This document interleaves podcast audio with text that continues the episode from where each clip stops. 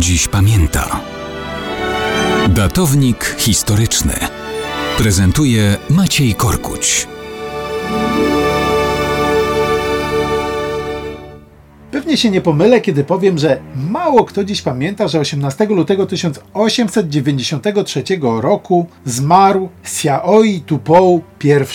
Kto to był Xiaoi Tupou? No, każde dziecko wie, przynajmniej w królestwie Tonga, że był to pierwszy król Tonga w XIX wieku.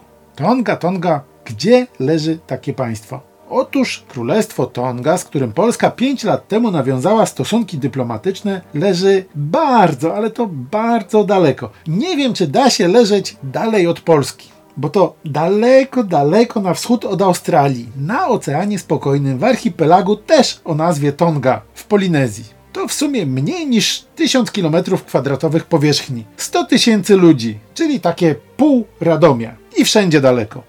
Monarchia istnieje tam co najmniej od X wieku. Pierwszym historycznym władcą jest Aho Eitu. Gdzieś w XVII wieku przyplątali się tam pierwsi Europejczycy, żeglarze holenderscy.